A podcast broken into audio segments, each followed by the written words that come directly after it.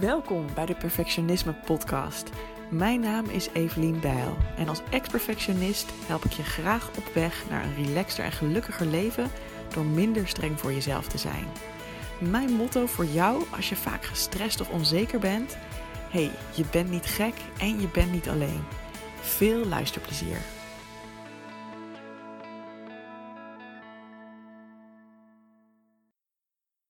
Hey, wat leuk dat je weer luistert naar een nieuwe aflevering van de Perfectionisme Podcast. Mijn naam is Evelien Bijl en ik ben de Perfectionisme Coach. En vandaag, ik denk dat dit een korte aflevering wordt, want het is, ik heb een korte, krachtige boodschap voor je, die toch best wel eye-opening kan zijn. En dat is namelijk dat routines niet voor iedereen werken. En hoe dit eigenlijk, uh, hoe ik hier zelf een beetje achter ben gekomen, is onder andere doordat ik merkte dat uh, ik bepaalde dingen heb die heel lekker voor mij zijn in, uh, aan het begin van de dag. Bijvoorbeeld, ik hou ervan om te schrijven, te journalen. Ik hou ervan om soms te mediteren. Ik hou van yoga. Um, en ik heb ook echt tijden gehad dat ik bijvoorbeeld al die dingen of een selectie van deze dingen elke ochtend deed. Nou, daar ging ik dan best wel goed op.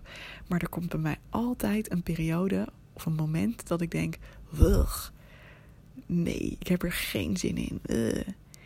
En ik heb me daar een tijd lang heel slecht over gevoeld. En dan dacht ik: waarom lukt het me nou niet om dit gewoon vol te houden? Ik weet toch dat dit goed voor me is. Ik weet toch dat dit werkt. En dan probeerde ik mezelf nog te forceren. Maar hoe meer ik mezelf ging forceren, hoe minder zin ik erin had. En hoe groter mijn neiging was om te denken: fuck dat. Ik doe gewoon lekker waar ik zelf zin in heb. Ik werd er ook heel rebels van eigenlijk.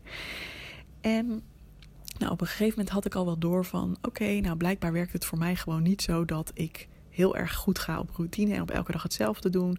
Prima, dan is dat maar zo. En dan accepteer ik gewoon dat ik misschien een paar weken helemaal geobsedeerd ben door, ik zeg maar wat mediteren of door uh, yoga of door schrijven. En dat ik dan na een tijdje weer een beetje loslaat en dan op een gegeven moment weer denk: oh ja, dit is te gek. Ik had dat dus al redelijk geaccepteerd. Ik ben benieuwd hoe dat bij jou zit trouwens. Want misschien zit jij nog wel heel erg in dat. Ja, iedereen heeft het altijd over de ideale ochtendroutine. En um, ja, weet je, dat je van die succesformules hoort van uh, mensen die het uh, goed voor elkaar hebben. Uh, en dat die altijd om vijf uur opstaan en een heel programma al afwerken voordat ze aan hun dag beginnen. En dat je dan denkt: fuck, ik zou dat eigenlijk ook moeten doen. Maar en dat je dat soms misschien halfslachtig een, tijdje probeert. En dat je denkt, nou, nou, dit voelt ook wel goed. Um, maar dat het toch nooit echt blijft hangen. Hè, en het kan ook, ik heb het nu heel erg over ochtendroutine zijn, maar het kan ook gewoon überhaupt een gewoonte zijn. Zoals mediteren. Daar hoor ik zoveel mensen over. Vooral zoveel perfectionisten ook. Van oh man, ja, ik zou eigenlijk dagelijks moeten mediteren. Maar ja, het komt er toch vaak niet van. Ja, nee, ik, ja, ik, voel, ja, ik vind dat echt heel slecht van mezelf. Want ik weet dat het werkt, maar ja, ik doe het gewoon niet. En dan denk ik, als je dat zegt, laat het lekker los, meid. Laat het lekker los. Joh, misschien hoef jij helemaal niet dagelijks te mediteren. Want wat ik ook echt door had op een gegeven moment, is dat al deze practices, al deze dingen die je doet, zijn bedoeld om jou te ondersteunen. Zijn bedoeld om jou te helpen. En wanneer het gaat voelen als een verplichting, wanneer het gaat voelen als ik ben niet goed als ik niet die dingen doe, hè, dan maak je eigenlijk van een middel een doel. Dus dan wordt jouw doel om dagelijks te mediteren. In plaats van dat je doel is dat je gewoon lekker wilt voelen. En dat je jezelf wilt ondersteunen om je te kunnen ontspannen, bijvoorbeeld. Nou, voor mij is een middel altijd maar een middel. En kunnen er heel veel manieren zijn om daar te komen. Dat neemt overigens niet weg dat ik best wel vaak heb gehad dat ik weer een tijdje bijvoorbeeld wat meer overprikkeld was. Of hè, dat, ik dan dacht, hé, hey, wat is er aan de hand? Ik zit niet meer helemaal lekker in mijn vel. En dat ik dan me realiseerde, oh wacht, ik heb al een tijdje wel heel weinig gedaan aan dit soort self-care dingen die gewoon goed voor me werken. Oké, weet je, ik pak gewoon weer even wat op. Ik, heb er, ik voel nu echt dat ik weer even die behoefte heb. Dus ik ga dat gewoon weer wat meer doen. Dus ik, ik ga weer wat meer letten op dat ik inderdaad een meditatie doe als ik daar zin in heb. Of dat ik ochtends even offline begin en een kaarsje aansteek en lekker ga schrijven. Of nou ja, noem het maar op wat het dan ook is. Bewegen is voor mij ook zo'n ding. Weet je, ik uh, ben niet echt uit mezelf heel erg dat ik hou van bewegen. Um, ik heb nu wel de luxe mezelf gegund om twee keer per week met een personal trainer te sporten. Dus dat heb ik sowieso. Um, maar alsnog kan ik daarbuiten heel erg de neiging hebben om ja, gewoon de hele dag een beetje stil te zitten. En Dat is helemaal niet erg, daar veroordeel ik mezelf ook niet om. Maar soms merk ik, oh ja, ik zit weer een beetje in een wat minder lekkere vibe. Ik voel me gewoon niet zo energiek, ik voel me niet zo fijn. Vaak krijg ik dan ook wat negatievere gedachten. En nou, zoals laatst heb ik me bijvoorbeeld voorgenomen om nu gewoon even een paar weken elke dag te bewegen. En dat, dan hou ik het ook zo klein mogelijk. Dus dan is het echt, joh, al doe ik vijf minuten yoga, al maak ik een wandeling van vijf of tien minuten, dan heb ik het al geëest, weet je wel. Ehm, dus ik ben er ook helemaal niet streng in voor mezelf. Maar dan help ik mezelf gewoon weer van, oh ja, dit is weer even iets wat me helpt om me anders te gaan voelen en me lekkerder te gaan voelen. Zo pak ik dat dus aan.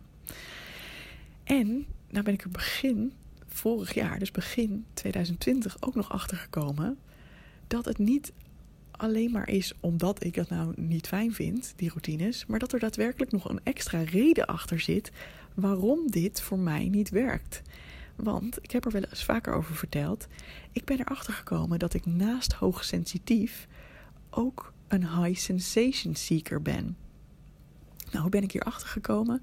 Ik zag op Instagram een plaatje van een boek dat heette Prikkels bijten niet. En ik dacht, wat een interessante titel. Waar zou dat over gaan? Um, dus ik heb daar een beetje over gelezen. Het is geschreven door Saskia Kleisen. En ik ga haar ook nog een keer interviewen voor de podcast. Dus dat wordt helemaal te gek. En zij is echt de coach, de autoriteit in Nederland op het gebied van um, dat je ook onderprikkeld kan raken als jij hoogsensitief bent, maar ook een high sensation seeker.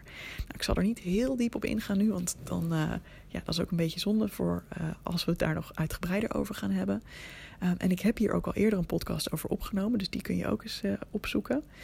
Maar um, wat, wat in de kern zo is, stel dat jij dit misschien herkent, hè, dan zou het dus kunnen zijn dat jij enerzijds, omdat je hoogsensitief bent, um, dat je denkt van nou, ik, ik hè, ik heb een bepaalde prikkelmax en ik moet gewoon weer even ontprikkelen als ik uh, veel gedaan heb of veel indrukken gehad heb.